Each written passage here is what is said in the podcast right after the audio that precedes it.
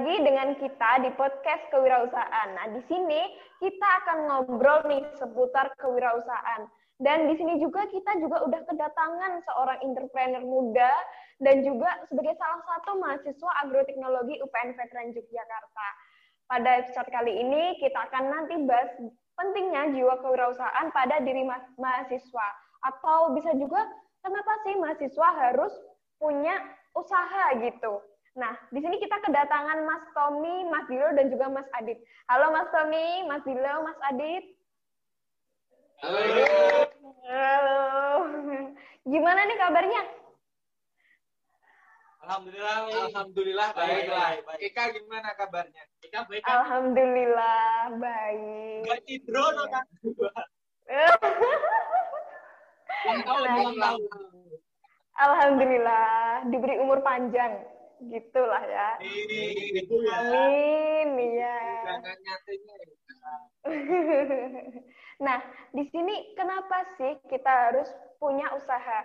Dan di zaman di zaman era sekarang tuh mungkin mahasiswa berpikir kalau misal uh, lulus kuliah atau lulus belajar kita harus kerja di perusahaan. Padahal kan pada kenyataannya tuh nggak semuanya harus mulus di perusahaan gitu. Nah, bisa juga peluang yang kita ambil bisa melalui usaha. Kayak istilahnya kita bisa mengambil uh, pendapatan dari kita sendiri dari usaha. Nah, makanya itu kita juga di sini akan belajar dengan Mas Tommy, Mas Dilo, dan juga Mas Adit gimana cara menumbuhkan jiwa kewirausahaan.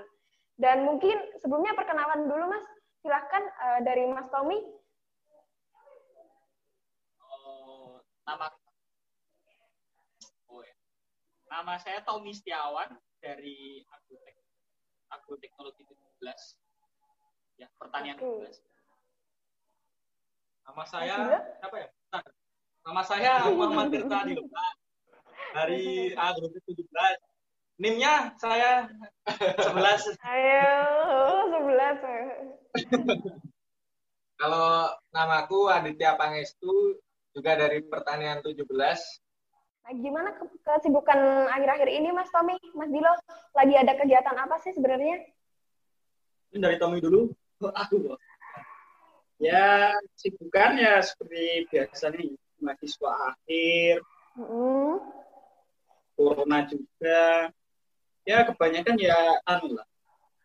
Kegiatan sehari-hari ya, kegiatan sehari-hari terus ini kan juga corona juga kan juga belum optimal juga lah untuk usaha tenaga kita juga terbatas seperti itu. Ya seperti biasanya kegiatan. Mungkin kalau Mas Dilo mau nambahin untuk kegiatan sehari-hari ya ini lebih dominan ke kuliah ya. Untuk Oh.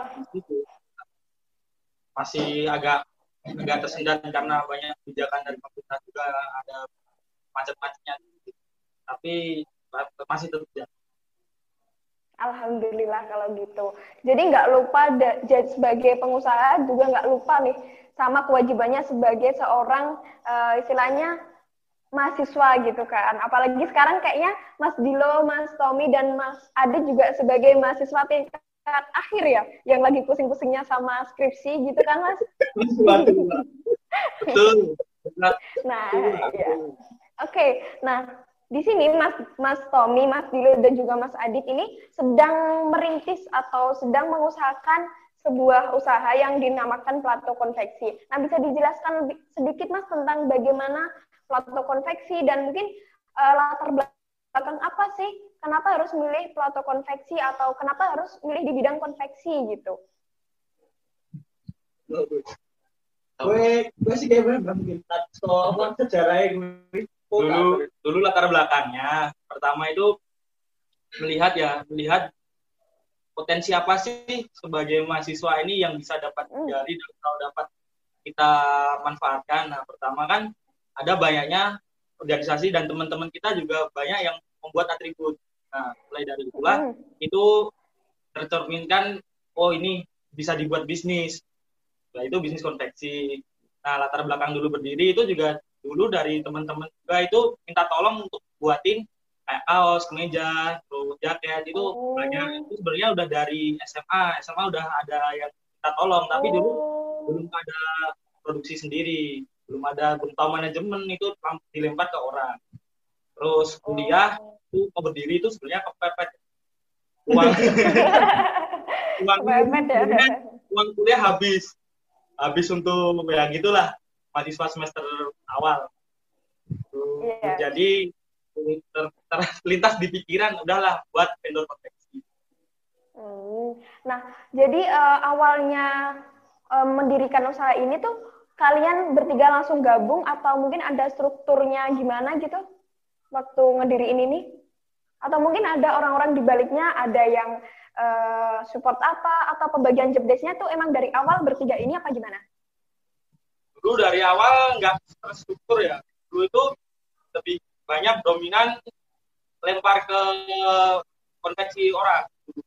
Tapi lama kelamaan belajar belajar belajar tahu manajemennya gimana bahannya apa aja terus cara produksinya gimana sampai cara pemasaran Jadi awalnya itu eh, bisa dikatakan reseller lah. Reseller Ah. kemudian eh, terus dari kita bertiga itu setiap ada orderan, ya udah siapa yang eh, ada waktu lenggang ngurusin orderan itu entah eh, ngurusin sama si konveksi yang tempat kita buat atau ngurusin entah ketemu sama customernya. Jadi siapa yang selo ngurusin eh, di situ. Jadi pada awal mulanya dulu masih campur aduk lah job desk-nya. Jadi masih sangat fleksibel. Oh, Oke, berarti belumlah terstruktur seperti kayak organisasi nanti kamu bagian manajemen, nanti kamu bagian apa itu masih belum gitu ya istilahnya. Iya, kalau di awal dulu memang belum belum ada Iya. struktur. Karena dulu kan dulu kuliahnya juga lumayan padat. Jadinya Iya, untuk membagi mm-mm. struktur itu juga agak keteteran. Oke. Nah, ini juga kan sekarang posisi kalian juga istilahnya mahasiswa tingkat akhir gitu kan. Mahasiswa tingkat akhir tuh bisa dikatakan lagi pusing-pusingnya mikirin kuliah, mikirin skripsi. Nah, sebelumnya eh, apa sih yang bikin kalian tuh ya tertarik untuk memulai usaha? Dan juga mungkin sebelumnya sebelum eh, memilih untuk konveksi ini ada usaha lain nggak yang istilahnya mungkin background dari keluarga usaha atau gimana gitu? Oh, eh, sebenarnya konveksi Plato ini kan terbentuk eh, yang waktu kita bertiga itu tahun berapa ya? 2017 akhir lah. Jadi sudah dari tahun itu eh, menekuni di bidang konveksi. Tetapi untuk Iya. sebelumnya sih kita bertiga ada usaha lain sih. Kita eh, biasa bantu teman kita yang ada di Bogor untuk menyediakan eh, komoditi ya, Ya. barang komoditi. Entah itu kentang, entah itu buah-buahan semangka, melon, entah itu eh, sayuran, apa yang teman kita butuh di eh, Bogor, Jakarta sana, kita bantu cariin. Mungkin dari Tommy ada tambahan. jadi itu ya sebelum Plato konveksi ini kan ya kami yang seperti yang sudah sempat tadi tadi dulu itu itu kan banyak ya ada tawaran-tawaran dari seperti pabrik-pabrik itu itu biasanya kan butuh butuh bahan baku mereka itu ya macam-macam lah dan itu rata-rata emang barang-barang komoditas dalam artian komoditas ini ya dalam apa hasil pertanian itu ada yang dalam bentuk buah ada yang Hmm. dalam bentuk kentang ada juga yang berbentuk rempah-rempah karena memang Oh. buat olahan ya seperti itu Oh, Dan- gitu. Berarti dari bahan mentah gitu. Iya, eh, Iya. dan kebetulan juga kan kami bertiga itu eh, background anak pertanian juga toh. Eh, Wah, mantap. Wah. anak pa- pas pertanian itu ya awalnya kami juga masuk pertanian tuh cuma ya nggak tahu lah tahu-tahu masuk pertanian. Itu nggak tahu lah. Jawanya. Tiba-tiba masuk ke tiba-tiba masuk aja gitu. kebetulan terus ada pulang tuh. Ada salah satu teman temanku Bogor. Terus kita bincang-bincang gini-gini ternyata dia man- dulu mantan manajer salah satu perusahaan juga. Terus juga mantan salah satu direktur juga sendiri di perusahaan terus kerjasama sama kami seperti itu. Ya buat macam-macam lah. Oh. setelah setelah itu eh, kami juga bisa apa ya? Kebetulan juga bisa tahu macam-macam lah banyak ilmu yang di situ lah yang tapi pas ketika itu sempat ada ya biasa persaingan bisnis itu kan kadang ada yang ngambil ada ada yang ada yang enggak jadi pas dan pas itu juga bertiga kami itu sebenarnya peluang itu banyak. Tapi e, dari kami bertiga itu belum berani beratnya dalam artian menanggung resiko dalam artian uang besar ya. Soalnya ya tawaran untuk utang bank itu banyak yang pertama. Terus yang kedua itu investor juga ada. Tapi kami mm -hmm. um, bertanya uh, coba tanya ke diri sendiri wah si anak kuliah juga. Tapi kalau kita benar-benar ya terjun ya mungkin nggak sampai semester tujuh ya? Iya. Iya. Iya. Benar juga benar juga. Kalau karena emang kayak udah. Nah, karena kan nanti kalau udah dikasih mandat tanggung jawab sama orang uang kan juga itu tanggung jawab makanya itu iya benar itu kembali.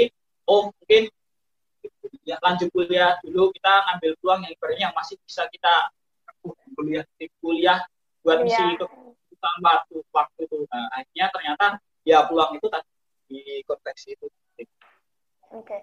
Nah, berarti uh, Mas Tommy, Mas Gilo, dan juga Mas Adit ini pinter banget nih nyari peluang.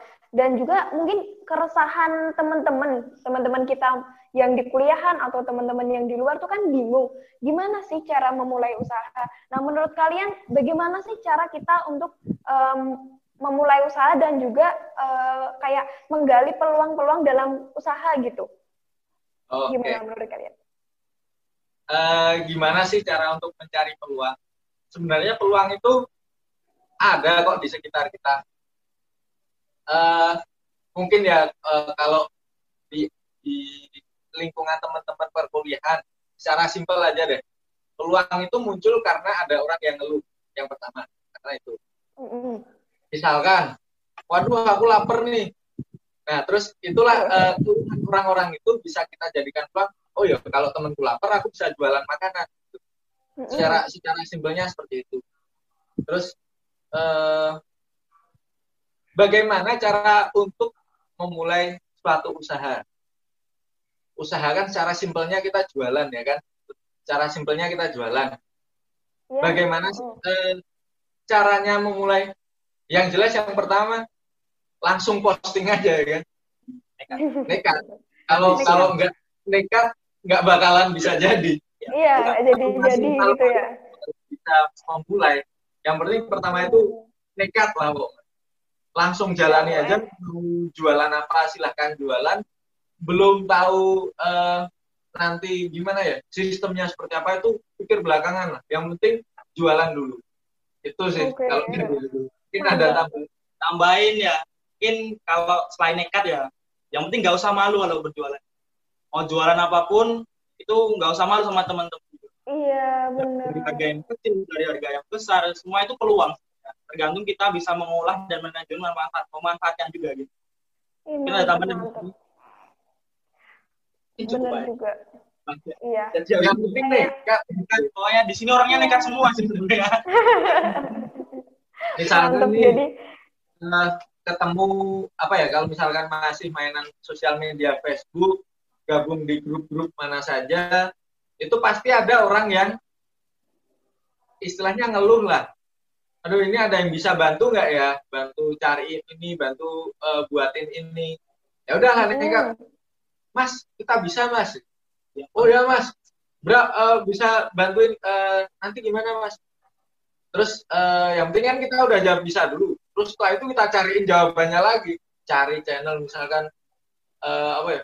Mas uh, bisa ada yang bisa nyediain kursi kayu meja kayu nggak untuk kantor saya? Oh bisa mas itu terus setelah itu waduh bikin gimana ya? Gitu kan. Pikir belakangan bisa dulu. Yang penting nekat itu. Kalau orang udah kenal kita kan nanti terus uh, semisal kita diberikan tanggung jawab sama dia, terus kita jalanin, entah gimana caranya, nanti kan eh, hal-hal seperti seperti itu yang akan membangun kepercayaan dari uh, seseorang pada kita. Nanti hal-hal seperti itu nular kok ke orang yang lain. Oke, Mantap, mantap. Nah, di sini kan uh, Mas Tommy, Dal, Mas Tommy, Mas Dilo dan juga Mas Adit dalam mengelola plato konveksi kan istilahnya bertiga nih sekarang. Dan kalau misal di awal tadi dibilang mungkin dari sistem organisasinya masih belum jelas, tinggal uh, istilahnya kayak waton jalan lah gitu. Nah, sekarang pengelolaan bisnisnya gimana nih? Uh, dalam... Ini aku uh, cerita untuk strukturnya itu sebenarnya udah dibentuk itu pada akhir-akhir tahun kemarin ya. Kita tahun kemarin itu 2019 kalau nggak salah itu dulu kebanyakan yang untuk produksi itu yang produksi biasanya diurusin sama Adit sama Dilo. Dan untuk customer sendiri biasanya yang ngadepin aku kan itu pertama. Terus oh. untuk untuk carinya juga biasanya customer itu yang nyari itu kalau nggak dari Dilo ya dari aku. Tapi kadang-kadang juga nyangkut ke Adit juga. Tapi untuk kecenderungan tugasnya itu lebih banyak dulu untuk untuk itu ke adit sama ke dulu. Tapi untuk nanggepin keluhan-keluhan ke customer atau apa, protes atau apa, atau nemuin atau apa, kadang-kadang nah, itu kebanyakan aku. Gitu. Oke. Okay. Jadi banyak aku untuk front lah, untuk front pan lah, banyak seperti itu. Dan untuk administrasi, kebanyakan itu dulu dulu untuk administrasi. Biasanya kan kalau untuk uh, pemesanan itu kan butuh selain pencatatan, kedua kan butuh yang namanya itu desain misalnya. Kan kebijakan hmm. desain sama beberapa ukuran-ukuran titiknya. Nah nanti kalau udah udah bener fix itu nanti kiriman ke aku dulu, ke aku nanti aku terusin ke customer, customer udah ACC, baru aku kirim ke Adit. Setelah kalau benar-benar fix, terus dikerjakan sama Adit seperti itu. Oke, oke, oke, oke. Nah, di sini uh, ada yang bilang kalau misal kita mau usaha ini perlu deh relasi, perlulah orang dalam istilahnya. Istilahnya. Nah, seberapa pengaruh pentingkah sih relasi terhadap sebuah usaha gitu menurut mas-masnya ini? Pentingnya relasi itu sebenarnya ya sangat penting karena apa? Dari relasi tersebut nanti kita bisa membangun sebuah sistem. Nah, misalkan relasi kita ke customer, customer ya customer itu juga nanti bisa jadi market customer nanti bilang ke teman-temannya itu menjadi market terus relasi dalam produksi. Relasi dalam produksi hmm. kayak penyediaan bahan untuk relasi kalau di konveksi sendiri itu penyediaan bahan order sablon itu nanti juga bisa kita kelola menjadi sebuah sistem produksi. Nah untuk relasi dari teman-teman itu mungkin lebih dominan ke pemasaran ya. Nanti bisa iya, oh, bisa nunut lah ibaratnya nunut posting ke kontenku lah misal yeah. gitu nah yeah. misal itu bisa jadi sebuah market untuk relasi dan carilah teman-teman yang baru karena setiap teman baru atau kenalan baru memiliki pengalaman yang berbeda itu bisa bertambah pengalaman dan jadi ilmu buat diri kita masing-masing. Iya, bener banget. Terus juga uh, di sini ada kayak ada yang bilang, misal, aduh aku nggak punya potensi apa-apa nih, aduh aku nggak bisa apa-apa, nggak bisa keterampilan apa-apa, atau pendidikanmu nggak setinggi mereka yang punya usaha. Kira-kira pengaruh nggak sih kayak lingkungan yang istilahnya kultur lingkungan yang harus punya keterampilan, yang punya pendidikan itu uh, pengaruh dalam bentuk usaha, dalam membentuk usaha nggak kira-kira menurut kalian? Oh, kalau soal lingkungan ya, kalau menurutku yang jelas sih uh, kita cari teman-teman yang istilahnya bisa support lah sama kita. Mungkin yang nggak banyak ngeluh atau yang nggak banyak uh, males-malesan atau seperti apa. Jadi kita kumpulnya sama orang-orang yang emang mau bekerja keras, kalau mau bekerja keras juga, terus kumpulnya juga sama orang-orang yang uh, terbiasa apa ya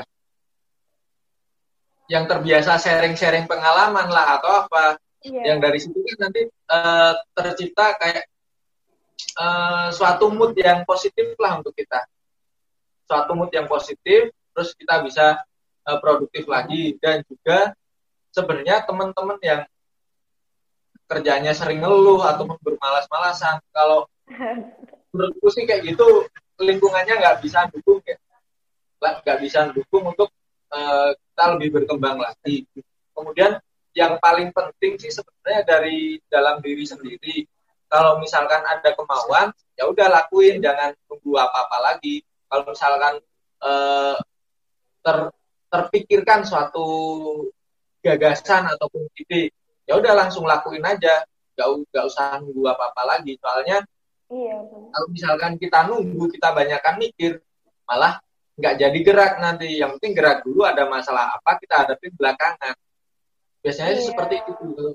Kalau misalkan kita banyakkan mikir waduh nanti takut nggak laku nanti takut nggak bisa eh, menuhin kebutuhan nanti takut nggak bisa dapat bahan yang sesuai itu nanti pikir belakangan. Soalnya dengan seperti apa yang dikatakan dulu tadi se- eh, semakin banyak relasi kita nanti juga akan menambah daya dukung kita lah kemampuan kita dalam eh, berkembang lebih baik lagi. Mungkin ada Oh, tambahan? Mungkin kalau dari saya lingkungan itu pokoknya yang support lah. Cari lingkungan yang bisa mendukung penuh. Dan kalau misal diajak temen main itu juga jangan lupa tanggung jawabnya dalam terus wirausaha juga. Jadi Iya. bisa bisa membagi waktu lah. Lingkungan yang bisa kita bagi waktu. Mungkin ada tambahan mas mas Tommy? Ya lingkungan tuh yang pertama memang berpengaruh ya. Karena itu memang kembali lagi sih. Sebenarnya kan ya bukan aku untuk apa ya mempengaruhi atau memberitahu buat kita tuh milih-milih berteman tuh enggak. Tahu kalau bertemu memang harus ke semua tapi kalau memang kita untuk bergaul apa apa itu memang harus sesuai dengan keinginan kita sama yang cocok lah untuk kita karena ya itulah itu tadi. Kalau kita cocok kebetulan kita juga punya minat yang sama itu kan nanti sudah sudah Mm-mm. nanti bentuk sendiri lingkungannya apa seperti itu. Dan Mm-mm. kualitas tentang nanti apa yang di sering di apa diskusiin atau apa sama lingkungan itu juga nanti mempengaruhi. Seperti itu. Iya kembali lagi juga bertemanlah kepada siapa kamu sama siapa pun. Tapi ya itu lagi tanya kembali ke diri diri itu kamu mau apa ya kamu cari teman yang satu minat sama kamu lah seperti itu cari Iya. yang sefrekuensi nah, Wih, saya jodoh cari yang berfrekuensi Fre- frekuensi. kalau nggak berfrekuensi Ya, aku bener. Tapi emang bener sih. Iya bener juga dalam hubungan aja nggak sefrekuensi aja putus, apalagi temen gitu gitu kan. juga. Ya gitu ya kan. Jadi emang bener-bener kayak lingkungan tuh berpengaruh lah ya. Tapi semuanya tuh balik ke diri kita karena diri kita juga yang nyerap gimana lingkungan eh, pengaruhnya ke diri kita gitu kan. Nah juga kayak eh, apakah baik nih memulai usaha bukan dari kompetensi atau hobi dari kita. Kayak misalnya kita eh, lebih ke peluang gitu. Tapi kita nggak suka nih sama sama usaha yang kita bangun. Itu tuh menurut kalian gimana? Kayak lebih ke peluang, lebih ke daripada hobi gitu. kalau dari saya pribadi saya pribadi kalau pilih bisnis lebih ke peluang karena dari peluang itu walaupun di belakang itu belum tahu teorinya apa belum tahu itu cara buatnya bagaimana kita bisa belajar nah Iya. ada beberapa yang pernah saya jalani sama teman juga seperti buat neonbox pertama kita belum per- bisa ngelas sama sekali ngelas pun belajar kita berapa jam? Satu malam. Satu malam satu lah, malam kita belajar. Terus cari tempat cutting stiker di mana cari tempat buat beli neon di mana itu sambil belajar sambil jalan. Yang penting bilang dulu sama orang mas bisa buatin neon box nggak? Saya jawab langsung bisa mas bisa. Aduh, ya lebih ke palu gada. Palu palu gitu Oh. kita ya ada gitu. Oh. pokoknya peluang itu kalau sebenarnya banyak dari teman kita peluang. Dia butuh apa butuh apa itu banyak. Nah tergantung kita itu ada kemauan nggak dalam diri kita? Oh saya aku mau belajar ini lah. Aku butuh ini. Nah itu yang harus dibangun dalam diri sendiri. Kalau misal baru meraba-meraba peluang ya sambil belajar gitu. Di kampus kan banyak teman-teman apa misal butuh spare part spare part apa butuh bantuan di mana. Itu bisa dijadiin peluang semua tergantung gimana cara kita memandang peran itu keperluan itu gitu Iya, benar. tambahin juga ya Iya, Peluang iya. tuh mungkin ini salah satu contoh sama cerita ya. Dulu pernah ya kita sempat eh, main ke percetakan juga ya. ya. Itu dulu tuh kita tuh nggak tahu percetakan tuh modelnya kayak apa. Terus bertanya-tanya loh, percetakan itu kok cuma uangnya kecil-kecil, eh, di bawah lima ribu, tiga ribu, fotokopi ya juga cuma tiga ratus rupiah atau apa. Tapi kok mereka bisa jalan? Terus kan bertanya-tanya atau karena peluang yeah. sama peluang dari mahasiswa, organisasi, kantor apa pun kan selalu butuh percetakan. Dari peluang itu eh, kebetulan juga ada tawaran. Sebenarnya kami juga nggak tahu apa-apa. Tawaran itu cara buatnya gimana? Yang penting iyo. Ya cuma iya doang. Terus akhirnya uh, cari-cari, eh kebetulan ternyata, oh ternyata gitu, percetakan itu sistemnya gini. Oh ternyata walaupun uangnya kecil, ternyata dia tuh ngambil untungnya itu yang oh, ternyata masuk akal juga kalau iya. punya segini besar. Padahal kalau kita eh, hitung-hitung uh, atau kita pikir, oh, dia cuma apa uh, nerima uang lima ribu, tiga ribu, garap perak atau apa, tapi ternyata di situ ada besaran yang banyak. Uh, setidak pengetahuan kita ya. Tapi setelah ya itu lagi masuk itu kita tahu walaupun awal-awal kita lihat peluang tapi terus kita rabang-rabang loh kok nggak ada peluang. Nah itu mending kamu cuma kamu kan cuma rabang-rabang doang. Itu makanya kamu harus yeah. jam mendalami nanti bisa ketemu seperti itu. Tahu-tahu oh ternyata seperti itu. Yang penting kalau ada peluang dimanfaatin terus harus ada kemauan untuk belajar di situ. Ya, Nah, juga ini Mas, yang biasanya jadi masalah teman-teman nih, kan masalah modal tuh, kayak misal kita, aduh aku nggak punya modal, gimana cara mulai usaha, aduh aku gimana ya, kan semuanya tuh harus ada duit lah istilahnya. Nah, permasalahan modal, e, seberapa pentingkah dalam usaha, dan juga dulu Mas, Mas-masnya dalam memulai usaha ini, permasalahan modalnya tuh gimana gitu? Coba bisa sharing ke kita. Untuk soal permasalahan modal lah. Yang penting modalnya sih kita eh, yang penting mau lah kemauan.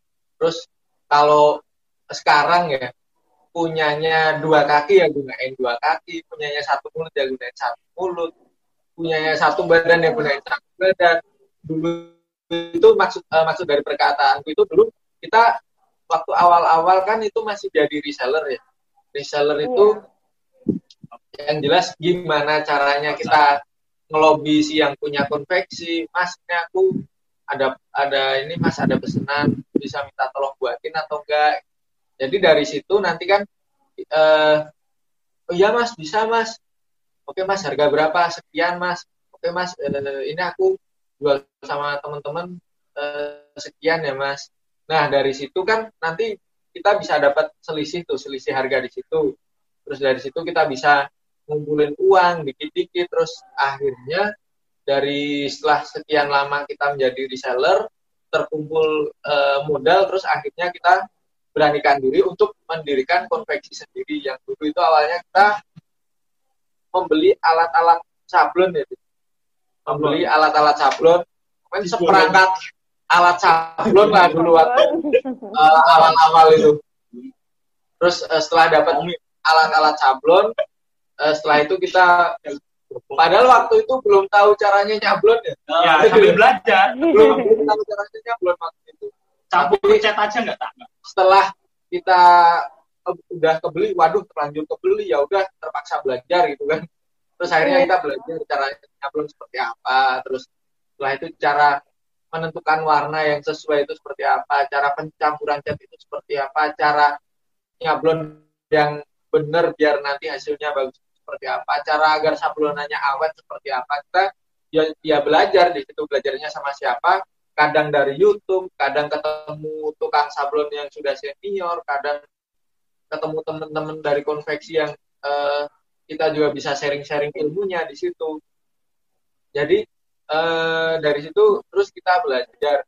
Jadi yang modal itu kalau menurutku yang oh, jangan dipikir lah yang kalian punya itu apa gunain misalkan kalian punyanya HP punyanya kuota ya udah eh, kalau mau berusaha coba aja dulu eh, cari satu online shop favorit kalian favorit teman apa yang kira-kira kualitasnya bagus harganya bersaing terus kemudian kita DM tuh di situ DM kasih mm -hmm. gimana, uh, di lobby lah di lobby. ini kan selamat malam kita boleh nggak jadi reseller? Itu kan bisa. Oh boleh kak. Terus ada biaya join reseller nggak kak? Enggak kebetulan gratis. Ah di situ ada peluang lagi kan? Kan sebenarnya gampang tinggal kemauan kita sih. Iya. ada peluang kita nanti mungkin dimasukin di grup dapat gambar-gambar dapat deskripsi dapat harga. Setelah itu kan kita bisa jual kembali dah. Eh, dan setelah itu kan udah menjadi suatu usaha. Jadi kalau menurutku sih modal itu tinggal kemauannya aja sih gimana Iya, teman-teman pokoknya modal nekat lah istilahnya, ya nggak? Dari Kayak awal gitu. tadi kita itu orangnya nekat di. Gak ada modal yang penting bacot dulu di. Iya. Pokoknya nekat, ya, iya bener-bener. Pokoknya yang penting nekat, bacot. Nah itu nanti seterusnya juga ngikutin jalannya lah, istilahnya kayak gitu gak sih? Ngalir aja gitu. bacot itu tanggung jawab harus belajar. Iya, jangan asal. Ya Hmm. gitu. kena komplain itu wajib Ya wajib kena komplain aku kena marah Iya. customer itu wajib minta Iya. refund itu juga wajib minta refund itu wajib. Minta refund. wajib Nah, ngomong-ngomong masalah refund terus juga komplain-komplain gitu dari dari kalian nih, ada kak nggak sih kayak rasa pengen aduh nyerah aja deh kok gini banget sih, kok ribet banget sih gitu, ada nggak sih? Terus bangun cara biar tetap eh, berjalan gitu loh, itu gimana? Eh, mungkin ada kalau untuk masalah komplain atau refund fund gitu ya itu kadang-kadang customer itu juga unik ya. Ya kan rata-rata juga customer itu kan ada yang ya seumur seumuran kita di bawah kita yang di atas kita. Nah itu itu juga. Kita harus sesuai juga sebenarnya. Kalau enaknya tuh ya kalau kita seumuran. Sebenarnya kita kan eh, mungkin bahasanya atau apa kita juga bisa menyesuaikan. Terus komplain itu hal yang wajar ya sebenarnya. Soalnya kan customer itu kan komplain itu kan karena rata-rata ya karena ketidak ada jelasan di awal. Nah, kalau kita udah Oh, kita punya kejelasan di awal seperti ini, seperti ini, seperti ini, terus kita juga ngasih tanggung jawab eh, mekanismenya gimana. Jadi kalau kita tuh benar-benar ada masalah, kita bisa ngikutin mekanismenya setelah itu Jadi nanti nggak bisa di atau bisa kita tukar lagi untuk orderan berikutnya, kita kasih potongan lebih atau apa. Yang terpenting situ tadi kembali yang penting tanggung jawab itu tadi. Kalau kita bilang tanggalnya segini, ya kita tanggal segini. Semisal itu ke tanggal segini itu nggak ada, tapi kita udah apa nggak tepat waktu tanggalnya tanggalnya yang kita setujui, tapi kan di sebelumnya ada mekanismenya juga. Itu bisa ada tiga, tiga hari apa lima hari itu perpanjangannya seperti itu. Jadi eh, di situ udah ada apa ya? Banyak saling tahu lah seperti itu. Ya makanya tadi itu setelah sebenarnya kami itu dulu nggak tahu ya manajemen atau apa itu. Itu terpaksa karena belajar ada juga. ada-ada itu ada sin ap- apa udah kadit belum di ACC sama Tirta belum ku ACC customer udah persetujuan nah, ternyata di situ ada revisi. Nah, itu hal yang lumrah. Kadang-kadang dapat orderan tuh nggak untung itu biasa ya. Biasa. Itu biasa Iya, nggak untung. Namanya usaha nggak melulu manis. Minus itu pernah Iya. ada Iya, benar, benar, benar. kayak hubungan nggak melulu manis kata Tommy sama mbaknya yang aduh aduh aduh aduh aduh. Aduh sama mbaknya ini. Terus juga ya itu tadi eh, usaha kan nggak melulu manis tuh. Nah dari kalian ada berpikiran buat menyerah nggak waktu ngejalanin ini gitu? Ada sempat kepikiran kayak gitu nggak sih? Sebenarnya Babi mungkin jawaban pribadi masing-masing beda-beda Yo, ya Jadi masing-masing. Oh iya, ya mungkin kalau dari aku ya eh, pernah kepikiran untuk nyerah nggak sih? Kalau dari aku sendiri sih eh, enggak sih kalau nyerah. Jadi gimana ya? Kembali ke niat awal tadi sih. Kita ngapain sih mau usaha gitu? Kita ngapain sih repot-repot kayak gini? Dan kita berani berani masuk ke hal yang repot-repot itu kan udah pasti tahu nanti resikonya seperti apa. Kita udah pasti Hmm. tahu nanti kira-kira itu kendalanya apa, mulai dari di komplain atau apa-apa. Nah, sembari kita belajar di situ kan kita juga ketemu teman-teman yang baru, kita bisa sharing-sharing, kita bisa tukar pengalaman. Kalau misalkan di komplain seperti apa, kalau misalkan eh, orderannya itu salah seperti apa, orderannya itu telat seperti apa. Uh, terus juga kalau misalkan kita ada masalah kan kita bisa sharing ke teman-teman juga. Jadi yeah. uh, untuk menyerah sih, kalau dari aku sampai saat ini belum. Mungkin dari Bilu. Kalau dari aku mungkin bukan menyerah ya kalimat, lebih kepada Sambat. capek capek. oh, lebih capek. kepada capek. aku gitu iya. uh, capek kok gini sih kok gini sih? Cuma capek gitu. Kalau menyerah mungkin iya. ya ibaratnya wes nyemplung yo lebus orang Jawa ya gitu iya. udah turun lanjut basah lanjut basah ya udah udah hujanan kita. Ya sekalian hmm. aja nantang petir Tommy di sini. Ya gitu gitu gitu. Pokoknya kalau ya udah tau lah gambaran ke depan itu pahit-pahitnya itu udah udah dipikirin juga. Nggak melulu untuk cara itu apa itu nggak harus ada pemikiran ya resiko. Karena pemikiran yang ke depannya ada pahit-pahitnya itu kita harus udah siap cara kontrolnya gimana cara nanggulanginya gimana itu harus udah ada di dalam patokan dalam pemikiran maupun dalam kebiasaan sehari-hari gitu kalau dari saya pribadi iya. gitu. iya mas mas ini mas jomblo ya iya. anu ya kalau dari aku mungkin hampir sama seperti teman-teman tadi teman-teman saya tadi yang jawabnya kalau menyerah sih enggak ya. Kalau capek ya kadang-kadang emang manusiawi ya. Manusiawi. Dan kalau emang kalau udah terlanjur basah ya udah ya tenang. Ya seperti itulah. Mm-hmm. jadi tapi kenapa kok uh, jadi dari dalam diri kalau pribadi kenapa nggak berhenti? Itu cenderung apa ya?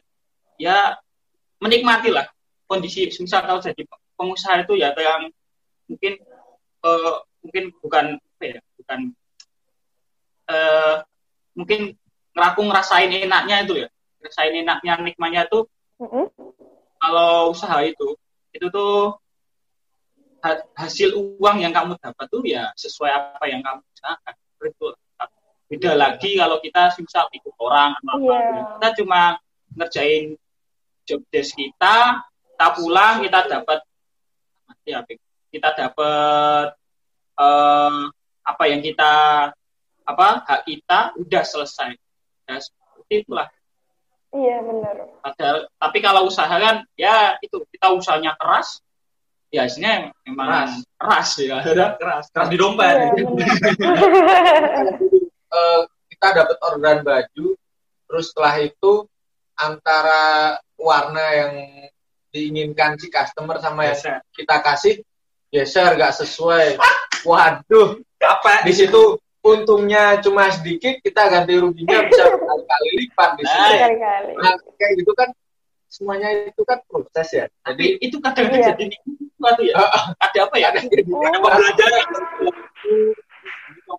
ya, jadi tahu kenapa kalau perusahaan itu kok kenapa sih kalau perusahaan itu harus ada pembagian? Terus kenapa perusahaan itu harus kayak ada untuk lapor ke satu bidang satu bidang lain itu harus ada surat tertulis itu kenapa oh ternyata iya. tuh kalau itu koordinasi. punya macam-macam. Punya ya, ya ilmu lapangan lah. Intinya kalau menyerah itu jangan. Misalkan kalau eh, bangkrut ya udah bangkit lagi. Ya. terus misalkan kalau capek yang jelas istirahat bentar. Setelah itu lanjut lagi. Ya, kayak gitu. bener. Kita tuh emang perlu banget sih bener-bener. Terus juga kalau istirahat capek eh kok kalau capek istirahat nah istirahat gitu. Nah, tapi kalau ada duitnya jadi kayaknya nggak capek ya. nggak jadi capek iya, tapi kalau bener nggak capek. Nah, capek kalau Evan nah dari kesalahan itulah makanya belajarlah dari kesalahan. Jangan kesalahan itu diulang-ulang. Nanti hmm. jadi orang yang nggak tahu kesalahan monoton gitu nggak ada iya, perkembangan iya, bener. di stuck di situ gitu lah ya terus juga kayak misalnya nih tadi masalah menyerah-menyerah pasti juga karena dari menyerah ada kata-kata kayak capek itu kan pasti ada hambatannya. Hambatan dalam uh, usaha ini tuh apa sih? Terus juga cara ngatasin dari hambatan-hambatan itu uh, gimana gitu? Iya. untuk mungkin aku ngomongnya ini ya untuk kenapa itu capek pasti ada masalah ya tiap bisnis itu pasti ada masalah ya. Mungkin aku ngomongnya tuh cenderung ke bisnisnya dalam artian hal ini konveksi ya. Konveksi itu tuh jujur konveksi itu emang usaha yang padat karya. Yang padat karya itu melibatkan banyak orang. Soalnya kan rata-rata walaupun itu ada mesin tapi itu masih butuh tenaga manusia tuh banyak. Sentuhan tangan. Terus konveksi itu juga uh, apa ya itu kan produsen ya. Jadi itu cenderungnya tuh usahanya tuh B2B jadi ibaratnya bisnis to bisnis. Jadi kita ibaratnya harus banyak channel-channel untuk yang ibaratnya partai-partai besar lah. Untuk kan kan kan nggak mungkin juga kalau orang produsen atau apa itu sekali kita misal berhenti satu hari atau tiga hari nggak ada kerjaan, nah kita rugi di situ. Soalnya kan padat karya, kita banyak libatin orang, kita rugi di situ. Itu yang pertama. Terus uh, konveksi itu juga karena uh, itu banyak apa ya, itu termasuk barang komoditas ya. Kita kan beda, bukan kita itu ngeluarin produk terus kita brand itu kan beda. Kita kan cenderung ke, ke produsen kan. Jadinya wajar lah kalau produsen itu untuk margin itu nggak memang nggak terlalu besar seperti kita kalau ngeluarin brand, brand atau apa itu memang nggak terlalu besar. Tapi ya itu tadi untuk perputaran uang memang besar, itu perputaran uang besar. Tapi ya itu yeah. itu mungkin lebih capeknya itu. Mungkin marginnya terlalu tipis, tapi kita nggak terlalu apa kurang dalam hal apa ya channel bisnis itu bisnis itu. Nah, kalau ada kejadian terus ada refund kesalahan, nah itu yang bikin kaget atau apa di situ. Mungkin di situ. Lemes terapi. Nah itulah. Mungkin permasalahan seperti itu yang kadang-kadang jadi masalah. Terus jalan kendala itu kalau dari untuk dari hal yang menyerah tadi kendala itu mungkin lebih banyak dominan ke gimana sih cara kita mengatur alur produksi terus kecepatan dia dalam berproduksi karena kan kalau di sini kan partainya partai besar. Nah, itu kan perputaran duit itu kan tergantung dari kecepatan dia juga dari itu. Nah, makanya dari itu kita lah belajarlah manajemen produksi dari hmm. dari tersebut makanya semua cash flow terus line uh, per, per produksi di line produksi itu juga akan teratasi itu dalam uh, minimalisir lah. Terus kalau yeah. menurutku soal kendala ya, karena aku yang biasa ngurusin uh, di produksinya itu banyak nemuin kendala sih kayak yang dari SDM SDM-nya entah dari yang nyablon, entah dari yang bordir, entah dari yang jahit, entah dari yang motong kain, entah dari yang uh, packing kain, entah dari yang nganter-nganter barang itu kalau menurutku banyak menemukan kendala ya di situ.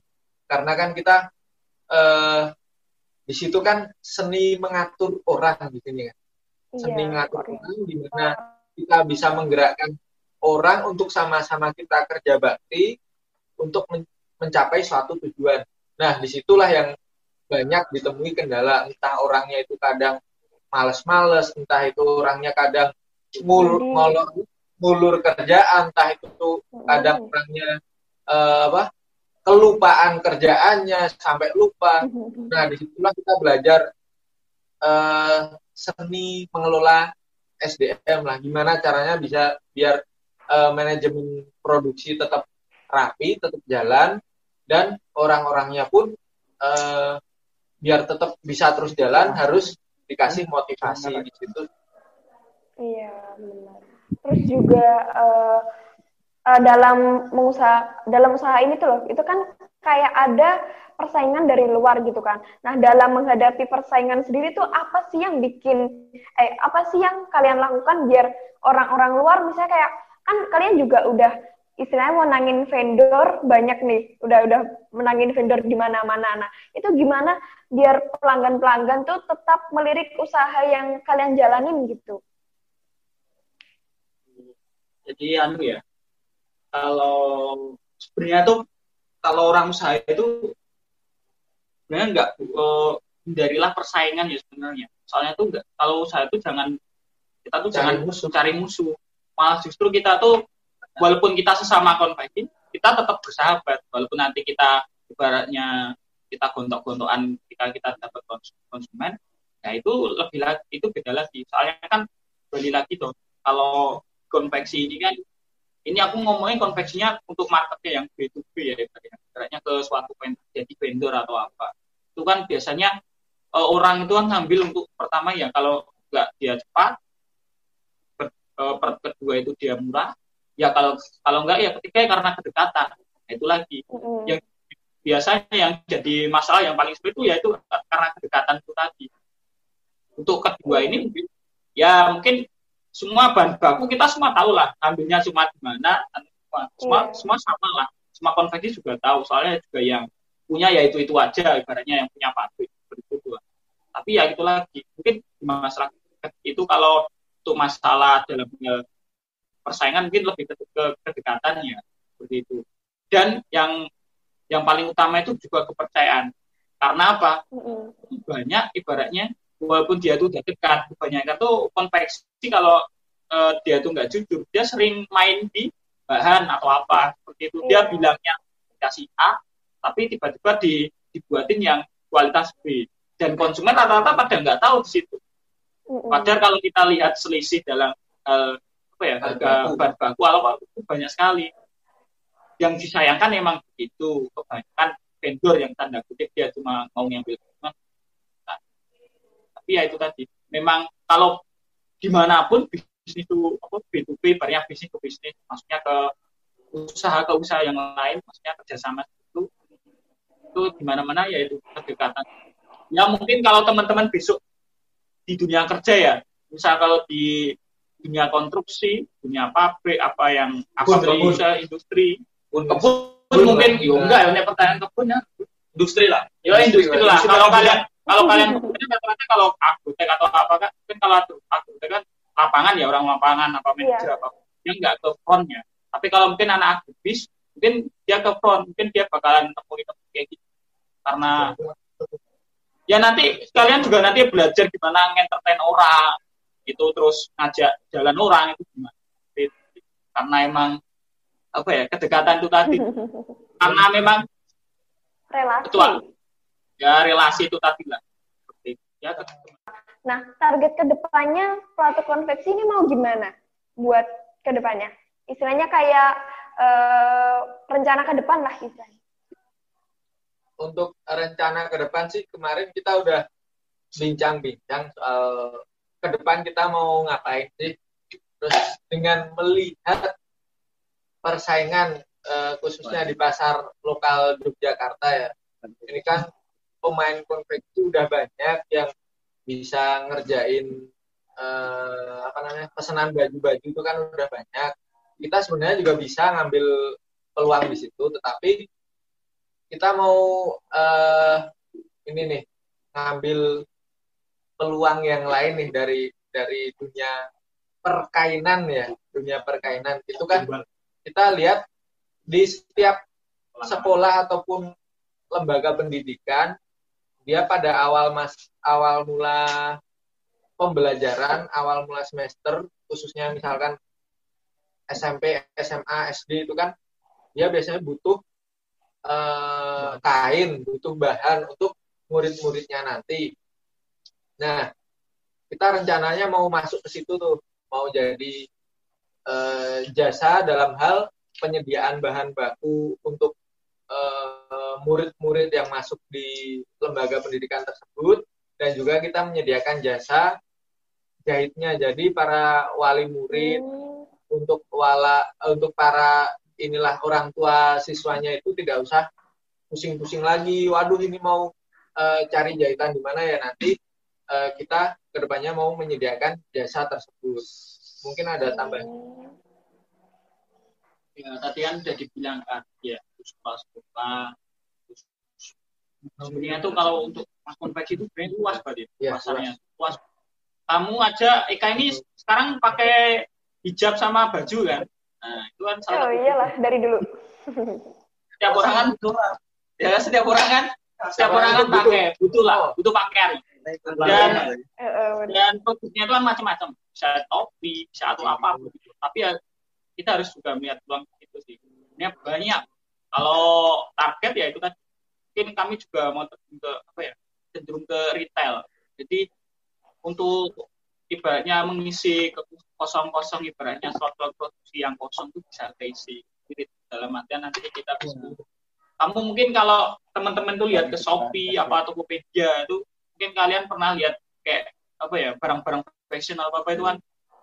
Banyak banget ya barang fashion. Nah situ mungkin kami mau ngambil peluang di situ. Karena mereka rata-rata anak-anak di marketplace apa apa itu mereka hanya penjual toh bukan produksi. Ya produsen dia nah, makanya mungkin, mungkin uh, teman-teman itu kecenderungan ingin kami tawarkan bisa jadi produsen sendiri untuk produksi untuk produksi di kami seperti itu ya peluang tuh kan banyak sekali.